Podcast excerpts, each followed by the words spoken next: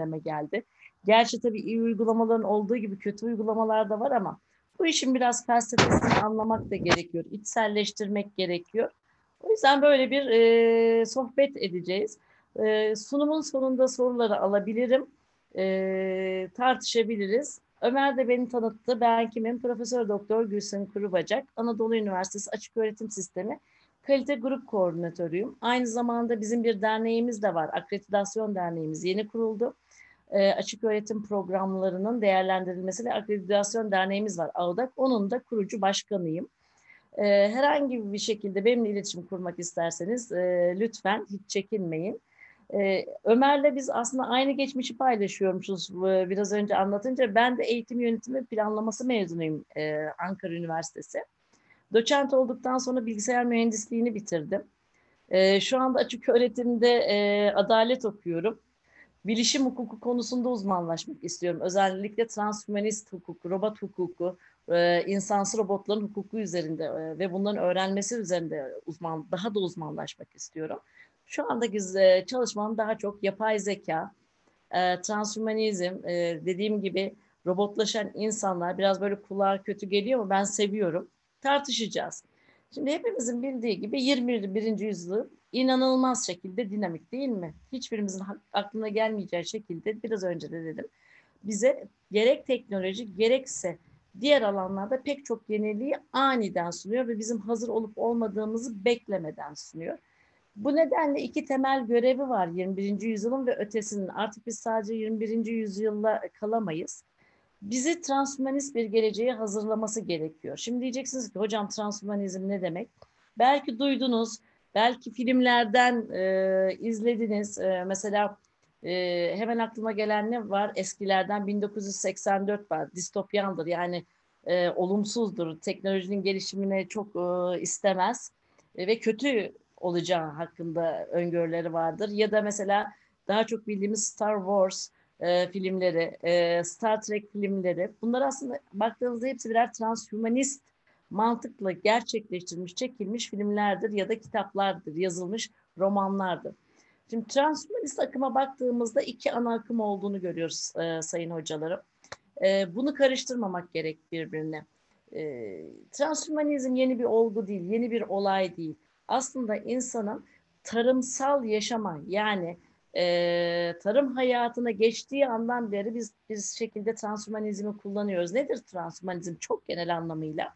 İnsanın teknolojiyi kendi e, yaşantısını kolaylaştıracak şekilde kullanmasıdır. Örneğin sizin işte bir çapayı kullanmanız ya da bir kalemi kullanmamız, bir gözlük takmamız, lens takmamız bir transhumanizmdir. Bizim var olan doğa e, yeteneklerimizin e, daha ötesinde bize bir şeyleri sunar.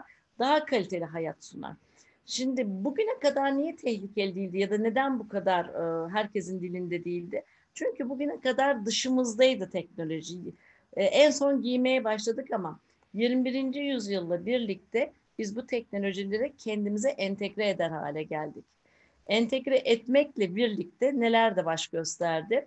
sahip olduğumuz DNA, RNA gibi dizilimlerin değiştirilmesi yani insanın karakterinin, insanın özelliklerinin değiştirilmesi gibi etik olarak son derece tartışma yaratacak konularda gündeme gelmeye başladı. O yüzden şu anda transhumanist hareket çok gözde yoksa yeni bir oluşum değil. Bu bağlamda iki ana akım var. Birinci ana akım ve sizin daha çok karşılaştığınız e, Harare'nin önderliğini, e, Kurzweil'in önderliğini yaptığı akım e, insanı tanrısallaştırma, biraz daha dini içerikli.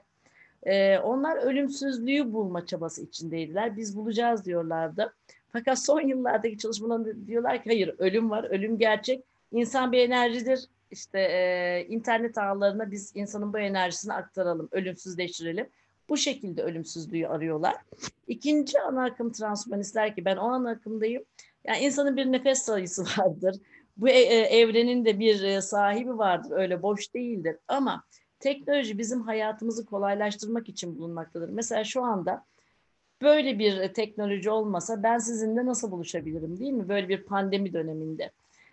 Bizim amacımız yani ne kadar her ne kadar giyilebilir ya da entegre edilebilir teknolojileri de kullansak biraz sonra konuşacağız. Bunları mutlaka etik ve hukuki temellerin olması gerekiyor. İnsanın özüne müdahale etmeden onun var olan koşullarını iyileştirme çabası olarak görüyoruz. E, ve e, bizim bakış açımız da budur. Bu bağlamda işte 21. yüzyıl bizi bir kere transhumanist geleceği hazırlayacak. Çünkü çok radikal değişiklikler gerek bizim bireysel gerek öğrenme yaşantımızda gerçekleşecek. E, tabii bu bağlamda sadece teknik değil, bu işin sosyal boyutlarında bizim öğrenmemiz gerekiyor. Çünkü teknoloji sadece teknikten oluşmaz. Bu işin bir de kültürü vardır. Bu kültürü siz öğrenmezseniz, benimsemezseniz, yaymazsanız ya da kendinizi uyarlamazsanız, toplumunuzu geliştirmezseniz ne olur? Sadece tüketicisi, tüketicisi haline gelirsiniz. Şimdi 21. yüzyılda sormamız gereken iki temel soru var arkadaşlar. Ne tür bir dönüşüm bizi bekliyor? Bunu kesinlikle yanıtlamamız lazım. Ve geleceğin teknolojileri küresel yerel yani küre yerel bağlamda hangi kültürel değişimleri yap- yaratacak bizde? Bizim neleri değiştirmemiz gerekiyor? Çünkü biz artık dünya ile etkileşir hale geldik anında. Ve bu bağlamda bizim öğrenme kültürümüz nasıl yapılanacak? Hala sınıflar olacak mı? Hala 45 dakika, 30 dakikalık sınıflarda gidip biz bir takım e, konuları mı anlatacağız? Yoksa öğrenme kültürü radikal olarak değişiyor mu? Bunu sorgulamamız lazım. Ee, bir dakika. Şimdi transhumanizm yeniden baktığımızda nedir diye çok temelde insanın doğal olarak getirdiği biyolojik, fizyolojik, psikolojik sınırların ötesine geliştirmeyi odaklanıyor. Yani hani vardır ya Robocop'lar ya da e, bu robot insanlar filmler aynı onun gibi dahası. Ama e, bu filmlerin ötesinde düşünün. Mesela diyelim ki herhangi bir şekilde elinizi kaybettiniz. Size yapay bir el takılması ya da bir bacak takılması. Ya da mesela bir organ eksikliğiniz var. Bugün biliyorsunuz 3D yazıcılardan organ üretimine geçildi. Mesela ben tek böbrekliyimdir. 3D böbrekleri hararetle bekliyorum şu anda. E, onayı verilmek üzere. Yani bir gün e, umarım ihtiyacım olmaz böyle bir şey. Sağlıkla giderim ama ne olacaktı? Bakın bu bir transhumanizmdir. İşte benim bedenime e, yapay olmayan, e, doğal olmayan yapay bir teknolojinin entegre edilmesi ve benim hayat standartlarımı daha da yükseltmek anlamına gelecek. Bunları sorgulamamız lazım. Ee, öğrenme sürecimiz biraz sonra konuşacağız. Radikal bir biçimde değişiyor. Peki biz buna yöneticiler, öğre, e, öğretmenler, tasarımcılar ne kadar hazırız? Ee, ve kuruluşlar, kurumlar buna ne kadar hazır ve ne kadar destekleyecekler? Bunları ne yapmamız lazım? Şu anda konuşmaya başlamamız gerekiyor.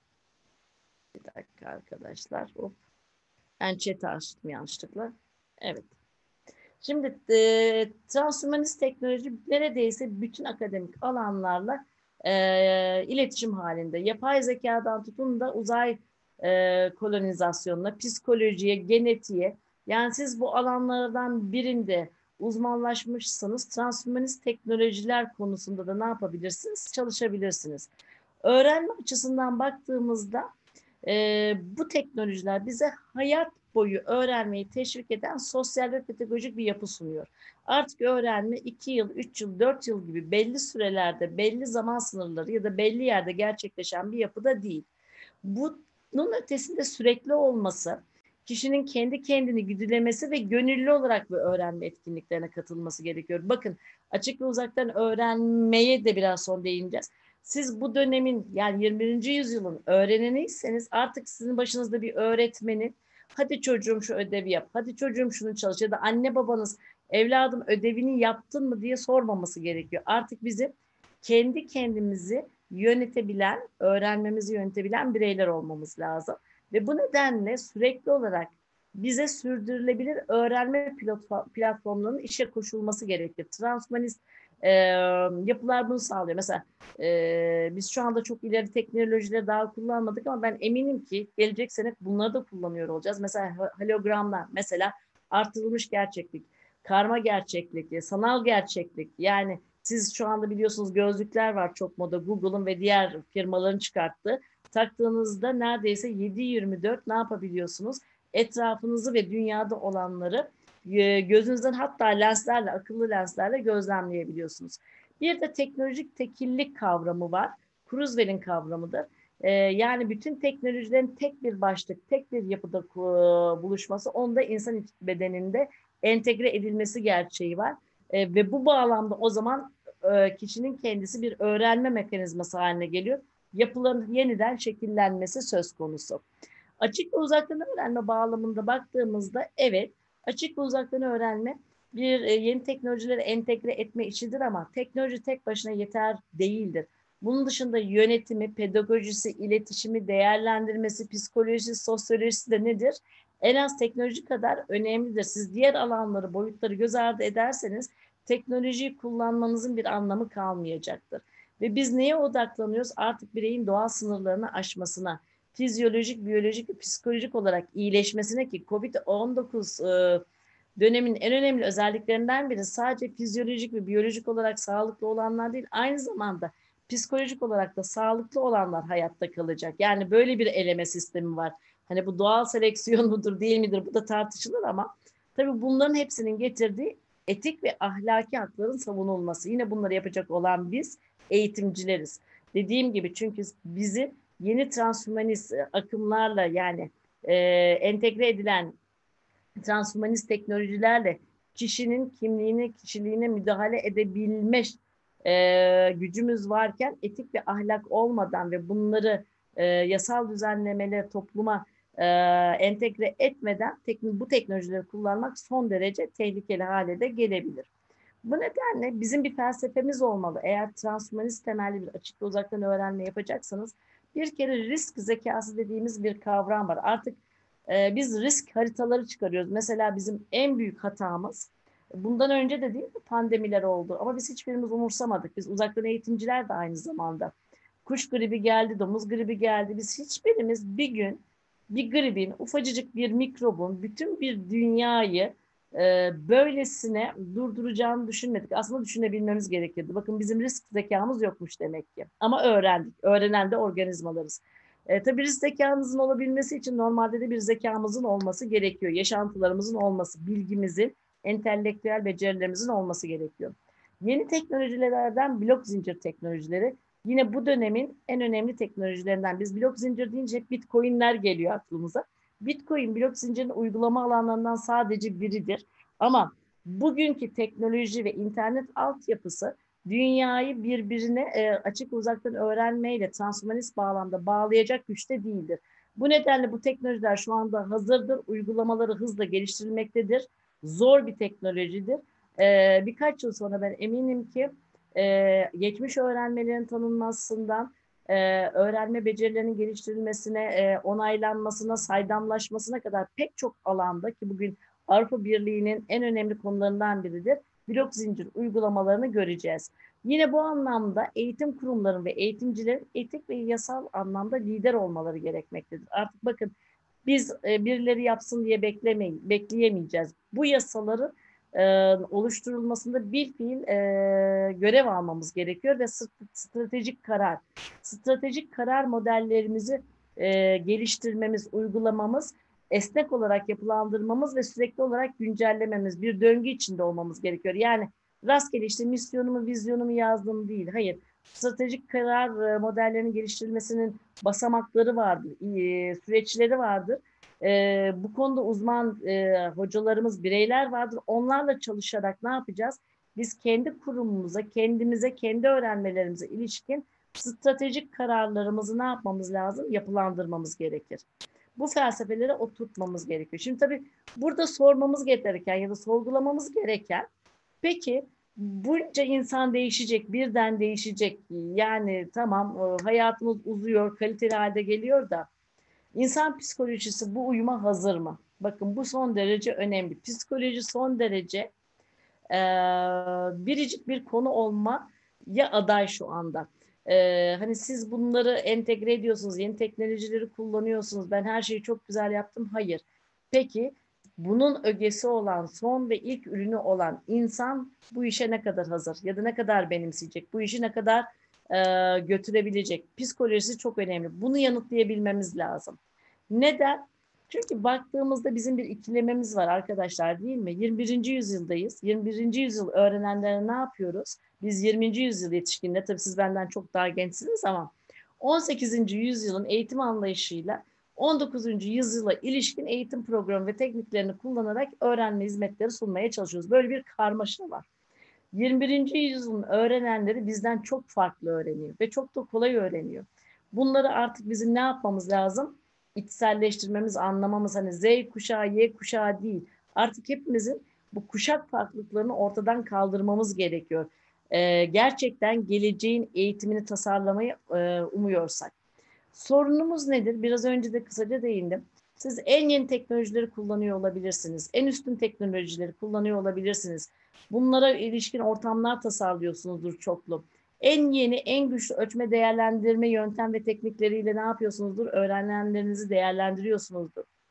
Ders izlenceleriniz yani programlarınız her şey mükemmeldir. Ama siz eğer açık ve uzaktan öğrenmeyi içselleştirmediyseniz, özümsemediyseniz, felsefesine inanmıyorsanız, e, temellerini anlamıyorsanız ve bunları kendi hayatınıza yansıtmıyorsanız yaptığınız eğitiminde ya da aldığınız eğitimde herhangi bir anlamı yok. O yüzden ilk önce biz bir benimseyeceğiz. Genelde şöyle duyuyoruz. Yani açık ve uzaktan öğrenme olmaz ama mecburuz. Hayır mecbur değiliz. Açık ve uzaktan öğrenme yüz yüzeye bir alternatif değildir. Bu nedenle siz yüz yüze öğrenmenin yöntem, teknik ve ilkelerini, felsefesini alıp açık ve uzaktan öğrenmeye ne yapamazsınız? Aktaramazsınız. Bunun kendisine has özellikleri vardır. Bir de transhumanist teknolojileri entegre ettiğinizde işte sizin bunu anlamanız, algılamanız ve şunu dememeniz lazım. Efendim işte ilkokul birler uzaktan öğrenemez. Öğrenir. Yani gerekli teknolojileri gerekli şekilde, gerekli pedagojilerle, gerekli yönetim bağlamında siz tasarlarsanız olur. Ee, bugün bütün alanlar tasarlanabilir. Bugün bütün alanlar yapılandırılabilir. Bu nedenle herhangi bir sorun yok. Sadece korkmayacağız. Ee, şöyle söyleyeyim. Artık dünya bakın öğrenme anlamında sınırlar kalktı. Biz yapmazsak bugün birileri gelecek bizim adımıza işte MIT gibi, Cambridge gibi büyük okullar ne yapacak? Bizim öğrenenlerimize sahip çıkacak. Öğrenenlerimize sahip çıkması demek beyinlerini kendi kültür yapılarına göre şekillendirmesi demek. Bunları düşünmemiz gerekiyor. Burada tabii insanın dönüşümü var değil mi arkadaşlar? Çok ciddi bir dönüşüm var. Bir kere ne oldu? E, değişen hayat biçimlerimiz var. Bunu kabul ediyoruz. Bu bağlamda öğrenmenin kapsamı da içeriği de tasarımı da değişti. Öğreniyoruz bakın hala değil mi? Öğrenme etkinliklerimiz değişti. Becerilerimiz, yeteneklerimiz artık sürekli güncellenmesi gerekiyor. Mesela düne kadar YouTube'da video nasıl çekilir bilmezken değil mi? Yani gel çocuğum şunu yap derken yaptı? En iyi video çeker. Neredeyse hepimiz YouTuber olacağız ya da Twitter kullanan olacağız. Bakın değişiyoruz, gelişiyoruz. Ee, teknolojinin biraz önce de söyledim teknik ve sosyal boyutları. Yani teknoloji sadece teknik değildir. Tekniğin işe koşulması değildir. Bunun sosyal boyutu vardır. Bunun ne yapmanız lazım? Bu kültürü mutlaka e, anlamanız, algılamanız içselleşmeniz, içselleştirmeniz gerekir. Yine dijital refah temel diyoruz. Yani dijital refah temel nedir?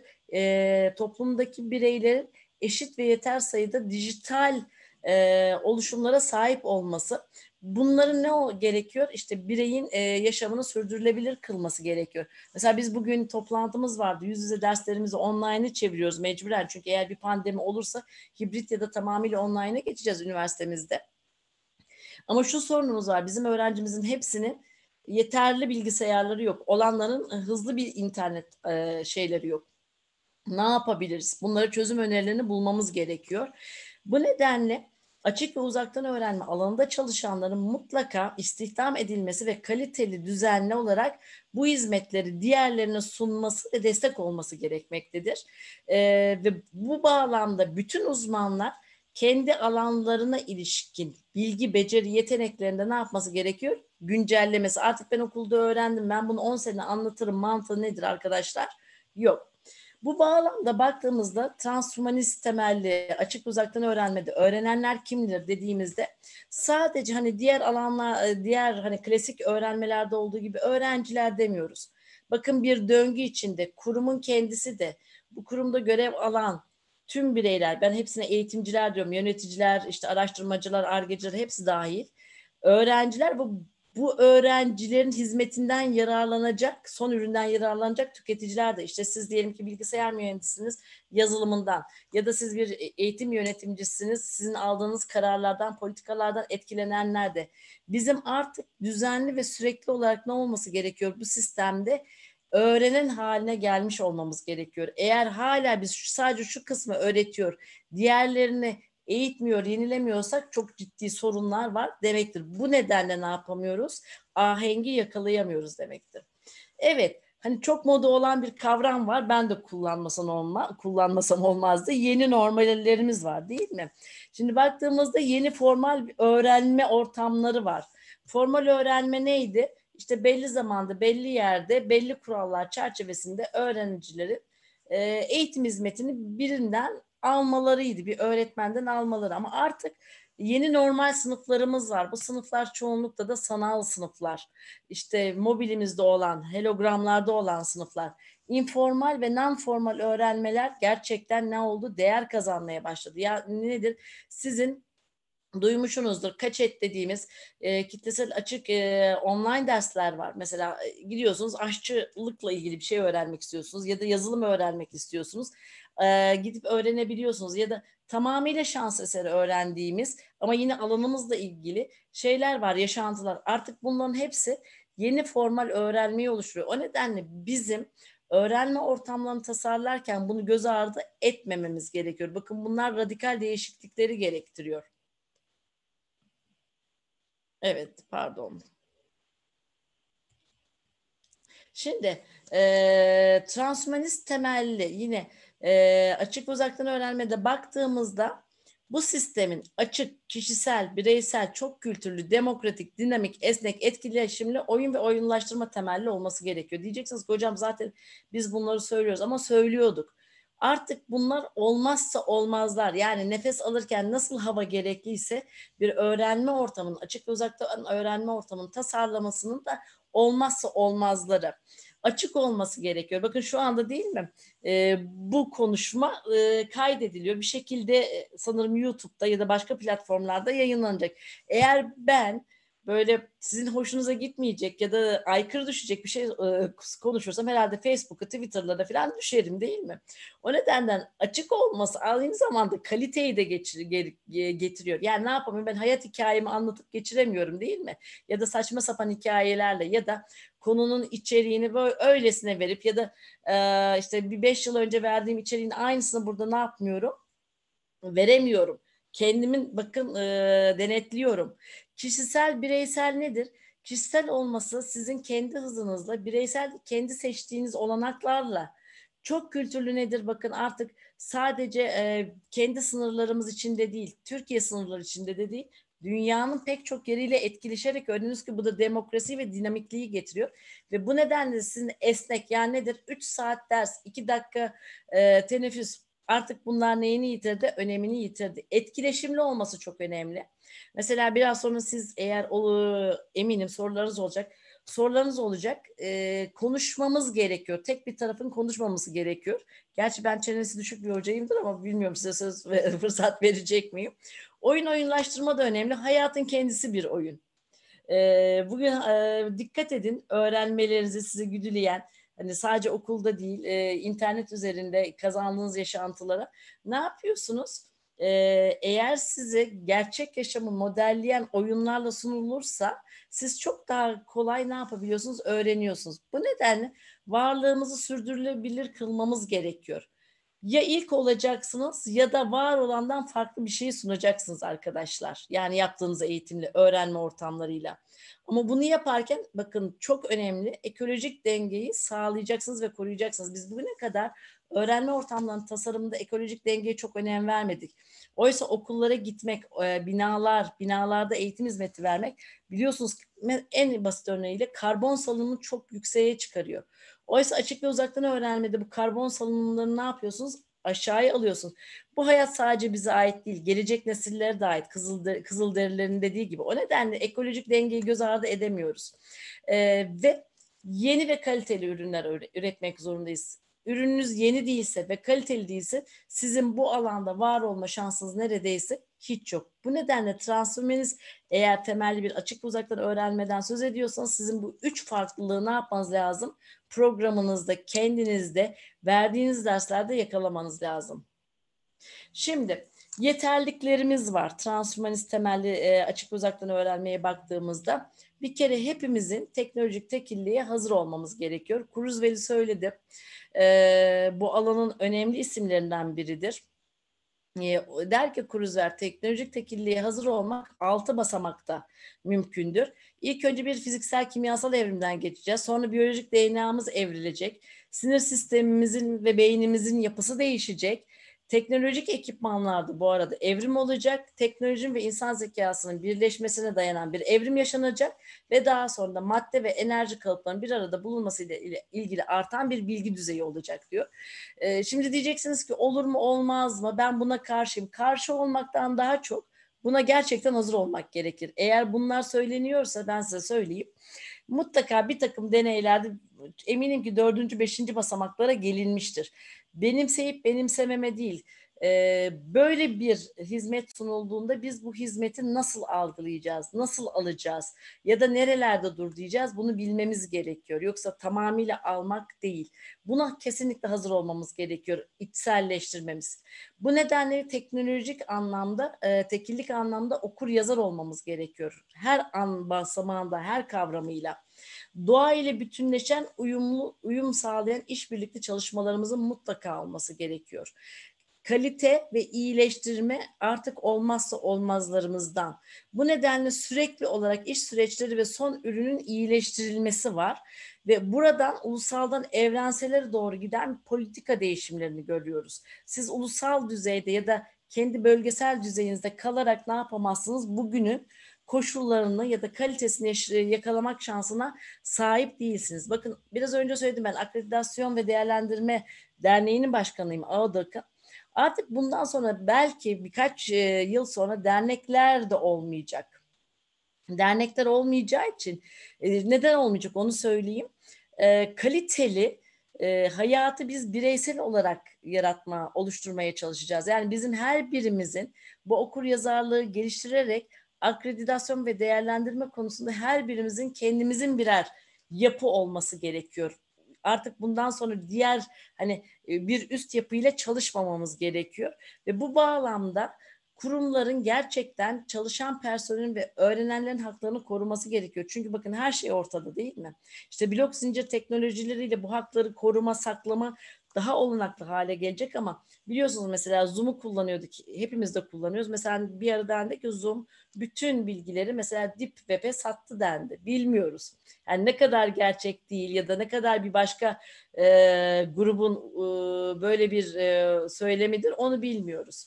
E, hepimizin eyvah eyvah diyeceği bir e, durum var. Kesintisiz çalışma yeteneğine sahip olma durumu geliyor. Yani bizim bedenlerimiz öyle bir evrilebilecek ki uyku, dinlenme gibi durumlar kalkabilecek diyorlar. Bu bir başka tartışma konusunu getiriyor. Her şeyi bilme. Yani artık bir konuda uzman olmanın dışında bir bireyin pek çok ya da çok sayıda konuya ya da şu anda var, yüz, dünya üzerinde var olan bütün disiplinleri bilme gibi bir yeteneği olacak. Bakın eyvah eyvah denilecek konular ki bunlar üzerine çalışılıyor şu anda sistemler arası iletişim hızına ayak uydurma. Yani kimyasal ve elektriksel. Belki ileride ne yapacağız? İşte biz beyin dalgaları ile birbirimize bağlanacağız. Bunlar bununla da ilgili çalışmalar yapılıyor. Mesela yeteneklerin, bilgilerin aktarılması. Bugün deneyimli pilotlar üzerinde yapılan çalışmalar var.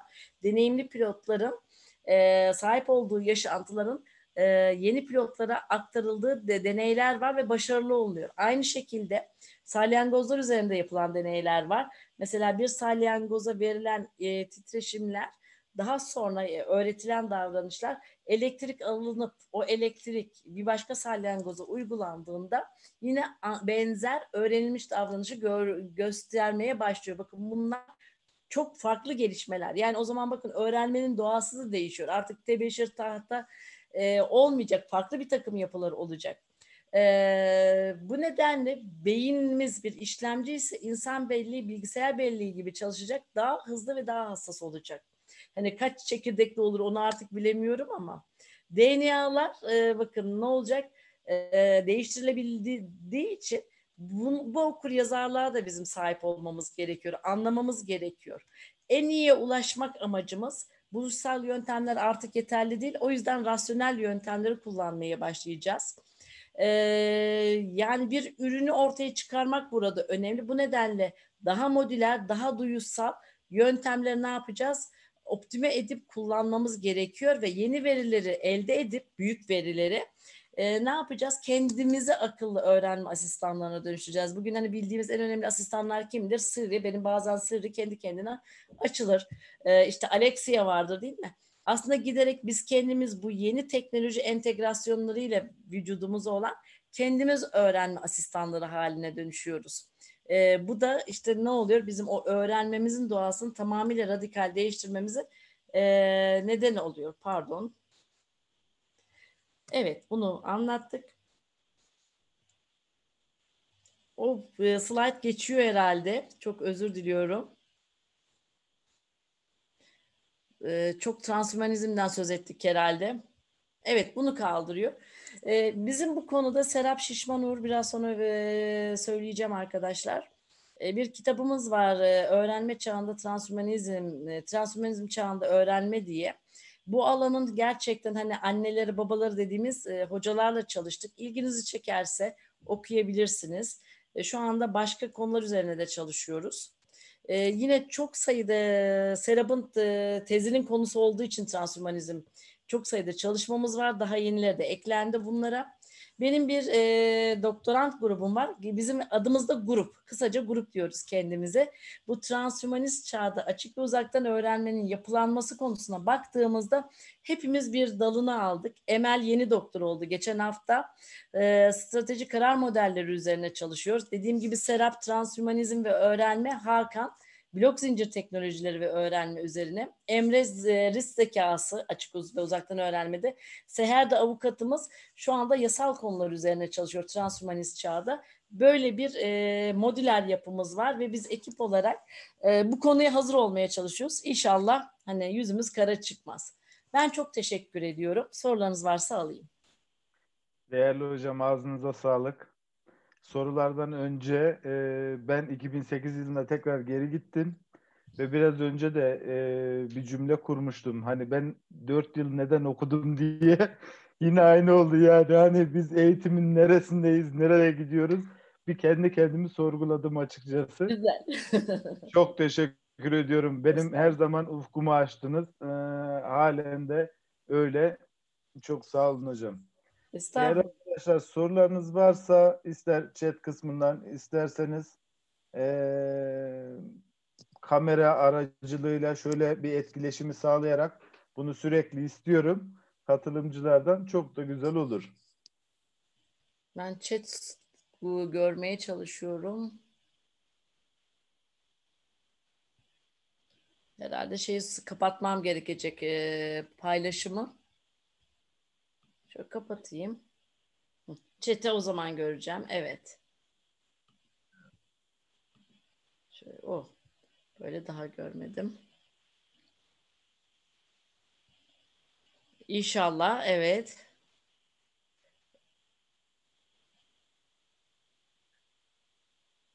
Mikrofonunuzu açıp sorunuz varsa sorabilirsiniz arkadaşlar. Kameralarınızı açabilirsiniz chat kısmını yazabilirsiniz. İsterseniz Web 2.0 araçları koyalım soru almak için. Kitabın ismi neydi diye soruyor. Hocam Twitter'da paylaşıyorum hemen. Tamam İrem Hocam. Bak burada mı?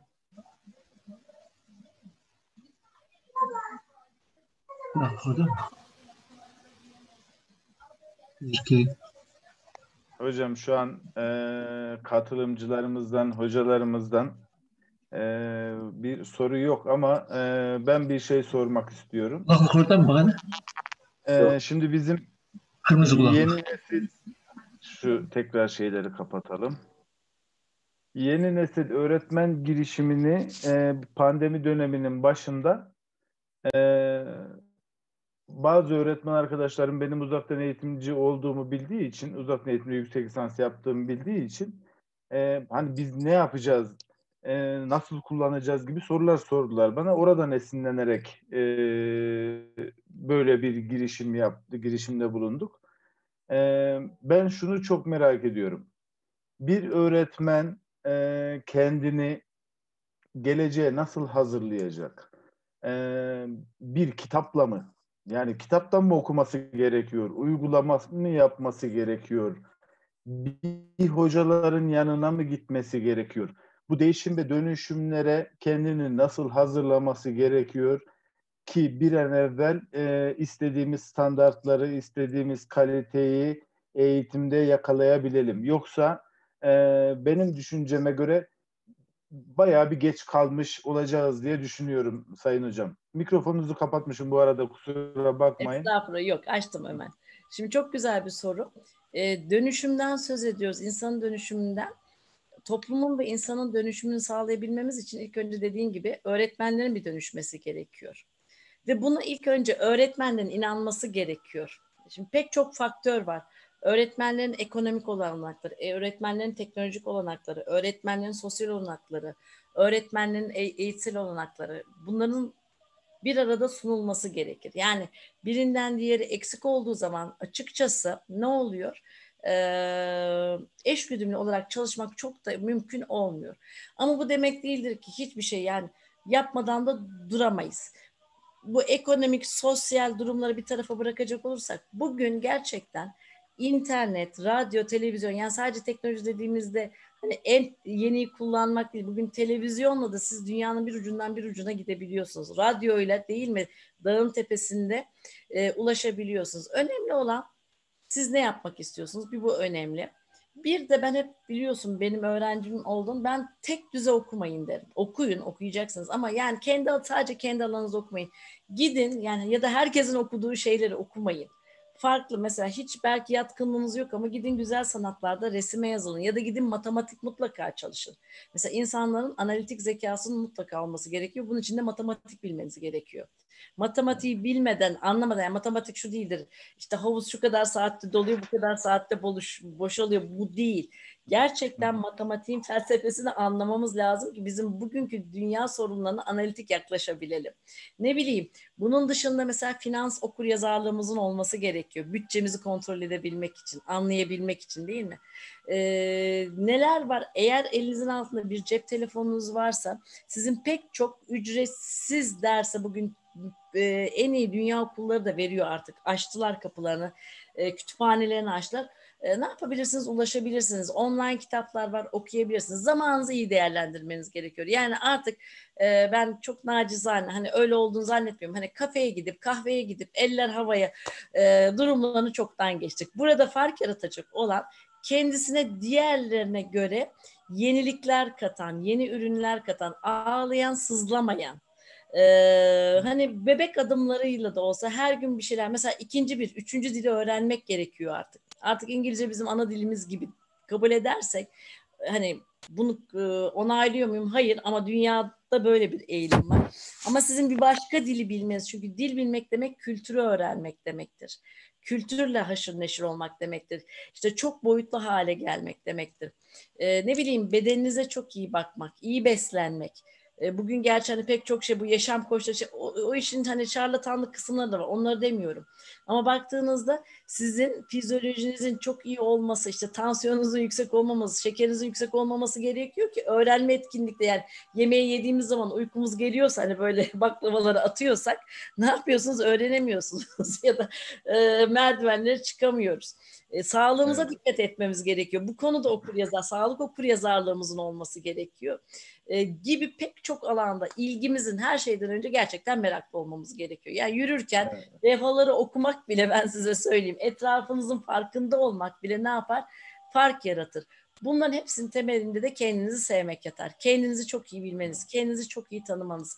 Ee, eksi ve artı yönlerinizle değiştirebilecekleriniz neler? Değiştiremeyecekleriniz kendinize yatırım yaparsanız, severseniz diğer insanları da seversiniz ve kendinizi geliştirme isteği duyarsınız. Bu kolay değil ama başladınız da yaparsınız. Evet, Çünkü biz dönüştüreceğiz toplum. Bizi model alacak çocuklar. Şimdi e, sorulardan biri de çok güzeldi hocam. e, biz uzaktan eğitimde kültüre çok önem veriyoruz. E, siz olsun, e, Mehmet Kesim hocam olsun kültür kavramını hiçbir zaman ağzından düşürmez.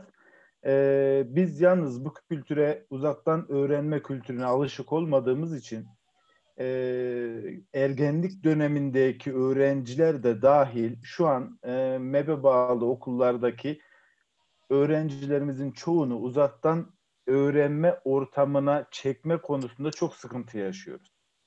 E, onları motive etmede hem aileler olarak hem öğretmenler olarak e, gerçekten zorluklar yaşıyoruz. Bu konudaki önerileriniz nelerdir? Çok güzel. Teşekkür ederim bu soruyu sorduğun için. Şimdi Ömer biliyorsun yıllarca uzaktan eğitim, açık uzaktan öğrenme tukakaydı değil mi? Yani Maalesef. efsaneler vardı. Şehir efsaneleri. Öğrenmez, ikinci sınıf eğitimdir. İşte e, çok affedersiniz akıllı olmayanların üniversiteyi kazanamayan pek çok söylem vardı. İnsanlar bunlara da inandı ve çocuklar bunlarla büyüdü. Şimdi siz bunları söylediğiniz çocuklar diyorsunuz ki hadi gelin açık uzaktan öğrenmeli. Bir anda böyle değişmez. E, bu bir geçiş dönemi. Geçiş döneminde bazı kayıplarımız ne yazık ki olacak. Bunu, yani bu hayatın gerçeği. Ama biz şunu da öğreniyoruz. Hiçbir öğrenme yöntemi, becerisi ya da ortamı değersiz değilmiş. Ve bakın şu anda pandemi ortamında bizim herhangi bir başka seçeneğimiz de yok. Ee, bu nedenle bu bir öğrenme sürecidir. Sizin tutumunuzdur. Mesela şu anda sen çok güzel bir model oluyorsun öğrencilerin. Mutlaka duyanlar, birbirleriyle etkileşenler oluyordur. Hani ilk başta belki inanmasalar da yavaş yavaş ya Ömer Hoca böyle bir şey yapıyor. Bak burada hocalar bir araya geliyor, konuşuyor, ciddi şeyler de konuşuyor. Bunlar zamanla öğrenilecek. İşte bizim duruşumuzdur vazgeçme işimizdir. Aileler de bak biraz önce ben hatta benim de arkadaşlarım var. Ee, bir hocamızın kızı geldi. Mesela ben hep uzaktan eğitimle veririm biliyorsun derslerimi. Ben ailelerle birlikte yapıyorum yıllardır. Hatta benim annem de biliyorsun otururdu yanımda. Yani biz böyle ailelerle yapıyoruz. Bir halk eğitimi işlevidir bak bu. Yani siz ne yapacaksınız? Sadece bundan sonra öğrenci değil belki onların işte ailelerine de ulaşacaksınız ama bunlar kolay değil.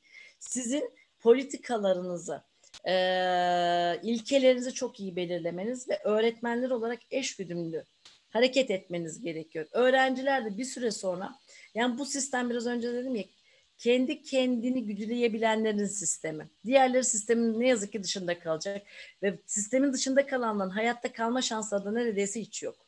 Böyle bir dönemden geçiyoruz. O nedenle e, bu yapı kendi elemanlarını da oluşturacak. Bu geçiş dönemidir bu geçiş döneminde olacaktır. Ama seneye bakın görün Gülsün Hoca dediydi dersiniz. O en azılı öğrencileriniz bile oturmuş sizden bir şeyler böyle öğrenmeye ya da etkileşmeye çalışır hale gelecekler. Öğreniyorlar çünkü o efsanelerin bir kulaklarından şey yapması lazım. Gitmesi lazım. Gitmesi lazım. Doğru bir kulaktan kulağa döngünün yaşanması lazım hocam. Ee, bir de hocam şöyle bir e, sorunumuz var. Ben yine chat kısmından e, alıyorum bu soruları hocam. Esra hocamız sormuş. Ee, ondan önce de Fatma Canan hocamın sorduğu soruyu hocamız cevapladı diye düşünüyorum. Şimdi hocam diyor ki e, ve bunu da ben sosyal medyada çoğu hocamızdan görüyorum. E, bu kadar teknolojinin içine öğrencileri öğrenciler gark edilmez.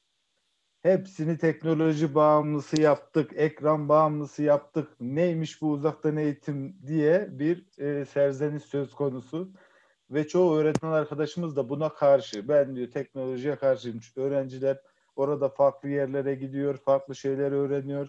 Ee, bunu nasıl yorumlayabiliriz? Ee, önümüzdeki dönem madem bizi transhumanist bir döneme götürüyor ama bir yanda da bağımlılıklar e, söz konusu. Bu durumu nasıl ele alabiliriz hocam? Ee, şimdi Ömer tabii bu kuşak farklılığını getiriyor. Bizim için bağımlılık ama yeni nesiller için vazgeçilmez e, bir şey yani teknolojiyi kullanmak. Bir kere bunu kabul etmek gerekir. Ben şunu söylemek, sormak istiyorum. Mesela hepimizin evinde bulaşık makinesi var değil mi? Çamaşır makinesi var. Aslında biz teknolojiyi kullanıyoruz ama biz teknolojiyi öğrenme amaçlı kullanmaya alışkın değiliz. Ee, yavaş yavaş bunun nasıl olacağını öğreniyoruz. Hocalarıma şöyle e, hak veriyorum ve yüzde yüz de destekliyorum. Çok fazla teknolojiyi kullanmış olmak e, iyi bir eğitim vermek anlamına gelmiyor. Bir mesela pro, işte program geliştirme çalışmalarımız o müfredatları oluştururken, öğretim programlarımızı oluştururken çok iyi yapmamız lazım. Belki sadece bir mesela radyo programıyla ulaşabilirsiniz. Bakın teknolojinin kendisi kötü değildir. Teknolojiye mesajı tasarlayanın, tasarımcının yetenekleri iyi olmayabilir ya da o ekibin e, yetenekleri iyi olmayabilir. Yani pek çok kitap var değil mi? Biz gidiyoruz ne yapıyoruz? Kitapları seçiyoruz. Çok iyi kitaplar da var. İyi kitap da bize göre neyse. Kötü kitaplar da var. Teknoloji de öyle. Evet. Yani teknoloji kötü diye bir şey yok. O teknolojik ortama aracı e, mesajı nasıl tasarlıyorsanız kim tasarlıyorsa işte onun kadarız. Anlatabildim mi? Yapay zeka da öyledir. Yani evet. yapay zeka tasarlayıcısının kadar zekidir. Hani McLuhan'ın dediği artık neydi? Ee, bizim uzantımız olacak. Mesela artık telefon nedir? Bizim kulağımızın bir uzantısı haline gelmiştir.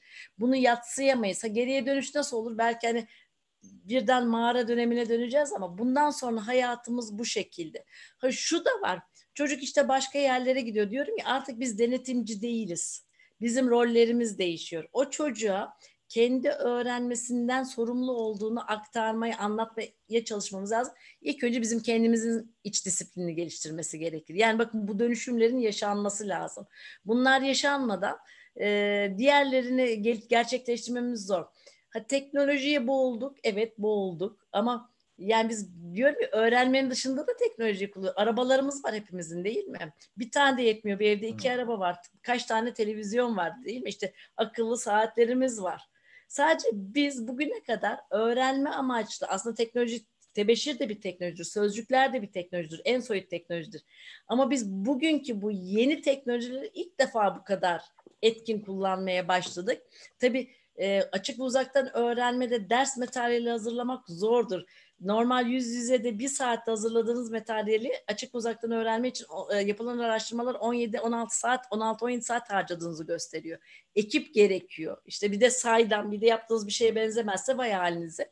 Ama bunlar bir dönüşüm süreci. Yani biz hepimiz tarih yazıyoruz şu anda. Ya bu da güzel. Tarihin parçası olmak çok güzel. İnanın bakın 2-3 sene sonra bunların hepsi normalleşecek. Bunların hepsi e, kendiliğinden e, ne yapacak? Rayına oturacak. Bu tür aksaklıkların, bu tür e, farklılıkların yaşanması çok güzel. İşte kültürden kaynaklanıyor. O yüzden hiç kimsenin korkusu olmasın. Öğreniyoruz, biz de öğreniyoruz, yenileniyoruz.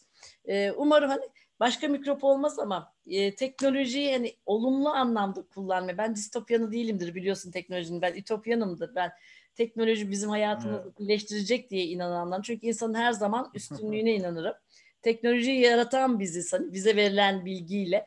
O nedenle ben geleceğe öyle e, distopyan bakmıyorum ve çok da e, iyi görüyorum. Çünkü bu sistemde, bu düzende gerçekten biraz önce söylediğim gibi fiziksel, biyolojik ve psikolojik olarak güçlü olanlar kalacak. Bu da bilgiye ulaşma demek. Evet, Bilgiye çok de teşekkür ediyorum hocam. Evet. Hocam biraz da bizim e, biraz önce de kültürden bahsetmiştik. E, bir de bizim eğitim sistemimiz merkeze bağlı olduğu için bazı şeylerin merkezden bize gelmesi lazım, önümüze konulması lazım. Eğer bize bırakılırsa biz e, nereyi kullanacağız, nereyi tutacağız bocalayıp kalıyoruz bu değişim ve dönüşümlerin içinde. O yüzden ben e, uzaktan eğitimin uygulanmaya başladığı en başından itibaren arkadaşlar plan yapın. Mutlaka bir planınız olsun uzaktan öğrenme planınız olsun. Bir saatlik bir sunum da yapacaksanız girişi nasıl yapacaksınız, sonucu nasıl yapacaksınız, hangi etkinlikleri oynatacaksınız veya uygulayacaksınız planla gidin diye söylüyorum sürekli. O yüzden bizim önümüze bir plan konulmadan değişim ve dönüşümlere her zaman direnç göstereceğiz gibi geliyor hocam. el yordamıyla gidilmez. Olmaz. Yani açık uzaktan öğrenme el yordamıyla olacak bir iş değil dediğin çok doğru.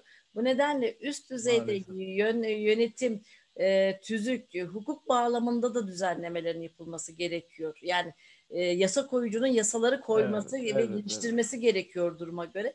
Dediğim gibi bu süreçte mesela sizin yaşantılarınıza göre tabii onlar ne yapacak deneyimlerinize göre bunları da oluşturacaktır. Zaman gerekiyor. E, ben dediğim gibi çok e, umutluyum. Dediğin çok doğru. Herkes planlı, programlı ve sürekli gelişime açık olacak. Şey yapmayacak. Evet hocam. Hocam Adem Gedikbaş hocamız benden e, mikrofon için e, onay istemişti. Adem hocam soru soracaksan mikrofonunu açalım tekrar. hocam öncelikle teşekkür ediyoruz verdiğiniz bilgiler için. Bu e, kesintisiz çalışma yeteneğine sahip olma, mola, uyku ve e, birçok şeyimizin düzenlenmesi ki şu an pandemi sürecinde belki de e, şu anki yaşadığımız süreç bunu e, dizayn etme üzerine olabilir zaten de.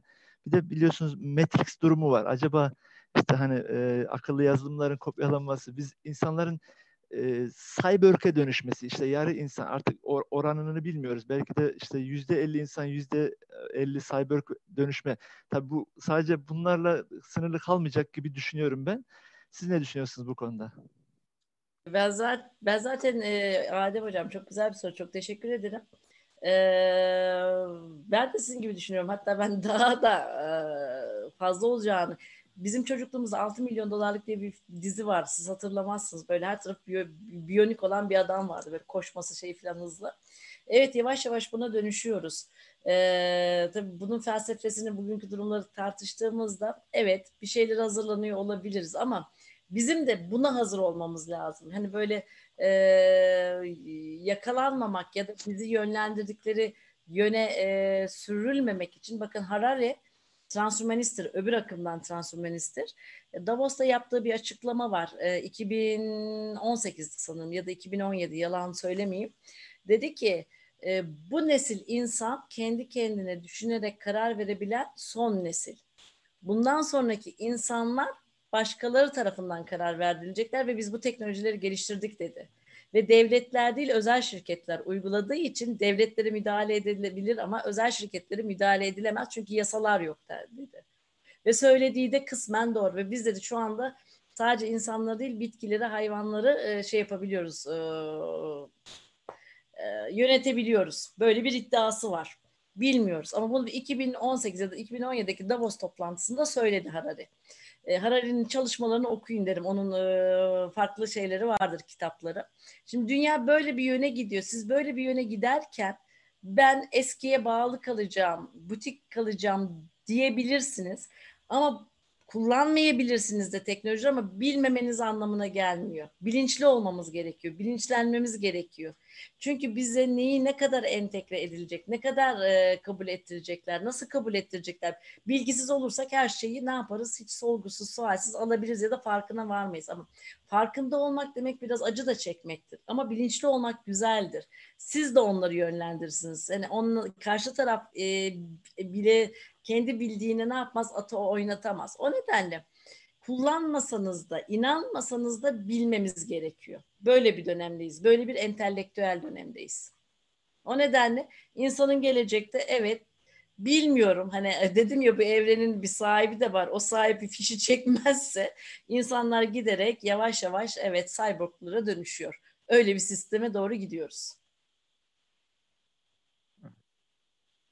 Hilal Nur Hocam iki ana akımı tekrar eder misiniz hocam diye soruyorum. Tabii. Ee, iki ana akım transhümanizmde birincisi bu Harari Cruzwell'in yer aldığı işte tekillik kavramını onlar insanın ve teknolojinin bir araya gelip daha tanrısal güçler yani ölümsüzlüğü söylediler. Ölümsüz olacak insan dediler. Bayağı çalıştılar.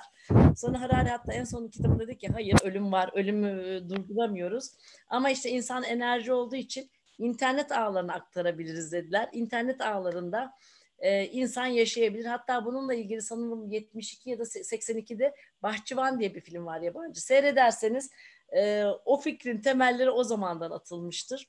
Hollywood filmleri, Netflix şeyleri e, bu geleceğe ilişkin pek çok ipucunu da verir o teknolojideki insan toplumu yapısına ilişkin onu da söyleyeyim. E, bu grup öyle gidiyor. Diyor ki yani insan teknolojiyle birlikte öyle güçlenecek ki işte tekil olacak, e, robotlarla birleşecek ve ondan daha üstün bir güçte olmayacak diyen bir grup var. Diğer grup biz diyoruz ki ben o gruptanım. Hayır bu işte evrenin bir yaradanı var, sahibi var. Nefes sayısıdır ama önemli olan insanın bu dünyada kaliteli yaşamasıdır, iyi yaşamasıdır. Bütün bireyler de bunu hak eder diyoruz. Ve teknoloji bu bağlamda hizmet etmelidir, böyle kullanılmalıdır diyen de ikinci grup var. Bizim sesimiz biraz daha cılız kalıyor. Çünkü öbürleri e, iyi para kaynakları var açıkçası. Ama biz şu anda da şey yapıyoruz, alana çıktık söylüyoruz. Bu iki ana akım var işte. Birileri diyor ki teknolojik tekillik ve insanın güçlü olması, tanrısallaşması bu taraftaki diyor ki hayır insan insandır sadece kaliteli bir hayat için teknolojiyi e, öğrenmesine ve kendi hayatına şey yapması, entegre etmesi. Acaba oldu Hocam herhalde. böyle buram buram felsefe kokuyor gibi geldi bana. Ee, tamamen felsefenin temelleriyle alakalı bir yaşantı sürüyoruz biz. Kimin felsefesi, neyin felsefesi bizi ileriye doğru götürüyor aslında. Felsefeyi çok iyi anlamamız gerektiğini Kesinlikle. düşünüyorum ben. Kesinlikle işte çok entelektüel fizik okuyacağız, kimya okuyacağız. Mesela kuantum, kuantum bugün deyince herkes çok farklı algılıyor kuantumu. Kuantum fiziği mesela bilmemiz gerekiyor anlayabilmemiz için. Çünkü artık Newton fiziği yavaş yavaş e, tartışılıyor biliyorsunuz onun geçerlikleri ama kuantum deyince hani böyle evrene gönder, evren sana gö- o değil tabii ki. kuantum fiziğini anlamamız lazım. Yani e, o e, gri noktaları, sıfır bir olmayan noktaları, fazilojiyi e, anlamamız gerekiyor. Anlatabildim mi? O nedenle çok entelektüel olmak gerekir. Evet. Aynı 1940'lardaki, 30'lardaki öğretmenler gibi entelektüel olmak gerekiyor. Evet. Hocam şurada bir GPT-3 e, çıkmıştı bu yapay zekada. Mevlana'nın iki e, mısrası verildi. Kendi şiirini falan yazmıştı. Bu yapay zeka e, GPT-3 ile birlikte büyük bir adım attı.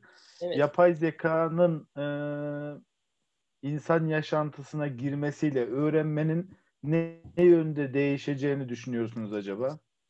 Şimdi yapay zeka tabii bugün e, gerçekten e, hani bizim bildiğimizin daha ötesinde ivmeler attığını ben düşünüyorum. Mesela bende bir program var biliyorsunuzdur replika ona baktım diye. Mesela benle konuşuyor ben özellikle onunla konuşuyorum. E, mesela ben bir fotoğraf gönderiyorum bana hemen o fotoğrafın benzerini e, mesela dün bir araba fotoğrafı attım bana hemen aynı renk aynı model arabayı attı bir saniyeden daha az şeyde. Yani bilmesi mümkün değil. Şimdi e, yapay zekanın daha e, tehlikeli ya da e, bizim ilgimizi çekecek noktasının kendi kendine eğitebilir, öğretebilir hale gelmesi.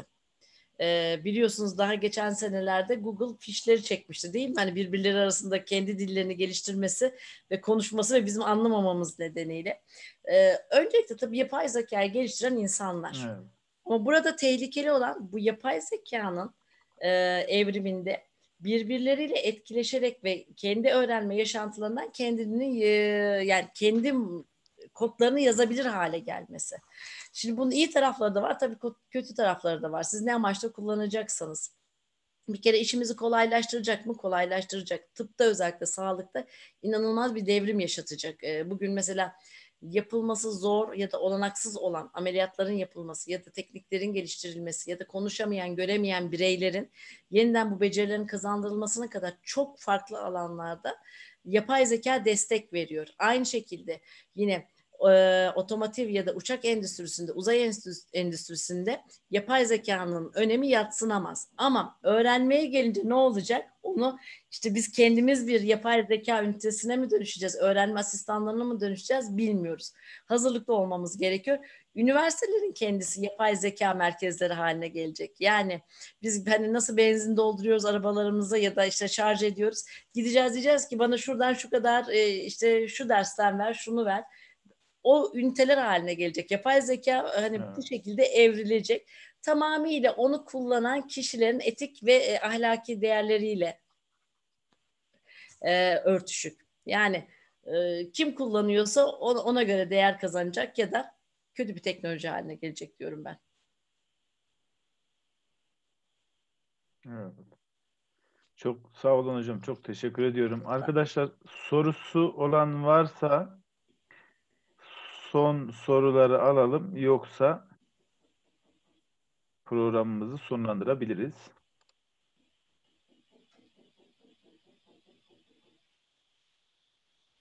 Sanırım hocam başka sorumuz yok. Hocam ben teşekkür ediyorum hem kendi adıma hem e, katılımcı değerli öğretmenlerimiz, yöneticilerimiz adına.